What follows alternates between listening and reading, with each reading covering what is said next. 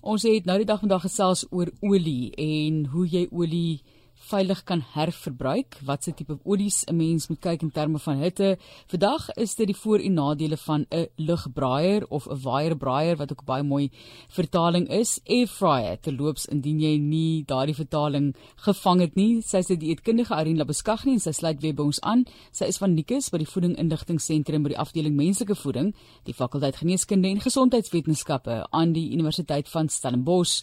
Arin, ek weet jy het nog nie so baie ervaring met die lug braaier nie, die air fryer. Ek gebruik dit nogal gereeld en dit werk vir my en kan ook minder olie gebruik wat 'n mens baie dankbaar vir is, maar kom ons gesels bietjie eerstens net oor die voordele. Die voordele, hallo Martelies, die voordele is beslis minder olie soos wat jy genoem het en dat jy glad nie olie gaan herfrit nie, jy gaan dit eenmalig gebruik.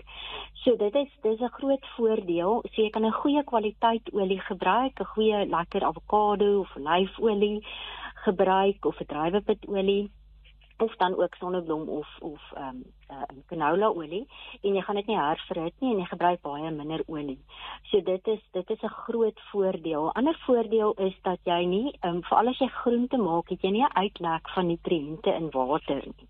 Soos wat 'n tradisionele kookmetode sal wees waar jy die ehm um, groente in water dompel en van die water afgooi nie. So jy het nie 'n uitlek van jou vitamiene en veral jou wateroplosbare vitamiene nie. So dit is twee groot voordele en dan is dit gerieflik. Dit is dit uh, jy jy het nou meer ervaring en jy sal seker kan getuig van die gerief daarvan om dit te gebruik.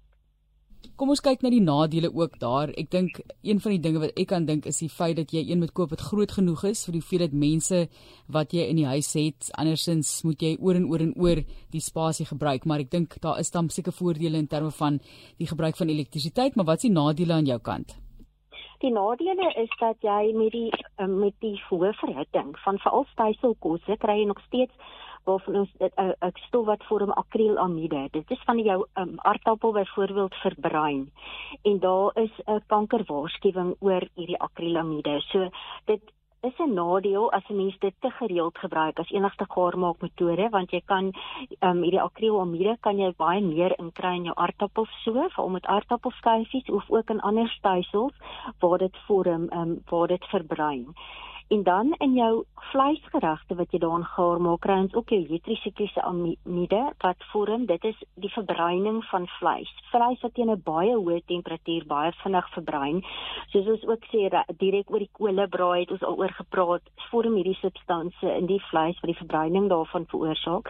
En dit kan is dit ook 'n kanker nadele effek, nadelige effekte. So dit is dit is die twee nadele. 'n Ander nadeel vir my is maar die tipe kosse wat mense tipies daarin gaan gaar maak. Ehm um, um, dit gaan maar baie keer jou verkrummelde produkte wees, jou geproseserde produkte wat hoog is in sout en in vet en inherent en dit moet 'n mens dan beperk. So kies jou rou produkte wat jy daar wil gaar maak gesond en probeer meer jou groentes rooster en om hoender byvoorbeeld sonder die vel of vis te rooster daarin sodat jy 'n gesond dat jy 'n gesonder produk in die braaier gebruik as wat jy geproseserde voedsel daarin gaar maak om dit vinnig te doen. Ja, Rien, mense wat nou werk met daardie uh, tipe van air fryers, met daardie uh, lugverwarmingstegnieke, die sal ook vir jou sê dat party produkte nie werk daar in die um, veral party tipes groente is moeilik om gaar te maak, maar oor die algemeen um, sê hulle dit smaak baie lekker.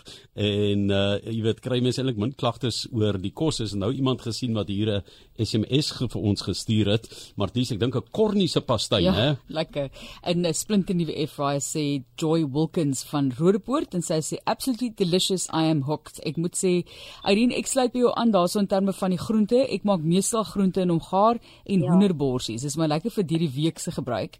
So en ek dink as dit kom by die sukkel van byvoorbeeld sekere groente gaar maak sit hom bietjie in folie en dan maak jy hom oop om bietjie kleur te vang, daai tipe van ding. So daar's baie wat 'n mens kan doen daarmee. Dis net ek het al brood gebak ook om in hom Irene, kyk glo.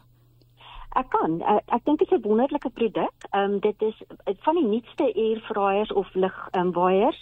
Ehm um, kan jy self sonder enige olie gebruik. So dit is dis werklik waar 'n gesonder alternatief teenoor aanbraai of diepvet braai baie beslis. En ek dink 'n mens net soos jy eksperimenteer en jou gesonder opsies daarin gaar maak, dan gaan jy 'n gesonder produk kry. Ja, dit laat my baie dink maar aan um, soos 'n waier oond waarin jy werk, né? Jy het hierdie rooster bo wat warm raak en dan ja. sirkuleer hulle die warm lug. So dat dit dit is maar 'n tipe 'n mini oontjie wat net meer gekonsentreerd is. My ja. groot gunsteling daar is ook net en ek weet jy het nou gesê ons moet kyk na ander opsies ook Arien, maar kom ons sê jy's nou lus vir 'n skyfie, jy's lus vir 'n lekker chippy saam met jou kos, dan is dit nie meer gediebraai nie. Jy gaan, jy vat dit eenkant, sit dit in water, haal uit, meng dit met 'n bietjie olie en jy sit dit in, skraai ligbraaier elke nou en dan en jy het iets wat regtig vir jou voel asof jy besig is om iets te eet wat gediebraai is. Ja, dit is dit is 'n baie beter of 'n um, beter metode om om skuifies gaar te maak in terme van die vet. 'n mens moet net kyk dat jy nie te veel verbrei nie, want dan gaan ons meer van hierdie akrilamide kry en dan uh, raak dit al hoe gesonder. So 'n goudbruin kleur, nie baie bruin nie en dan is jy reg. Mm. Gebruik jy minder vet en onthou om jou sout te beperk. Nie te veel sout oor die aardappelskyfies te gooi nie.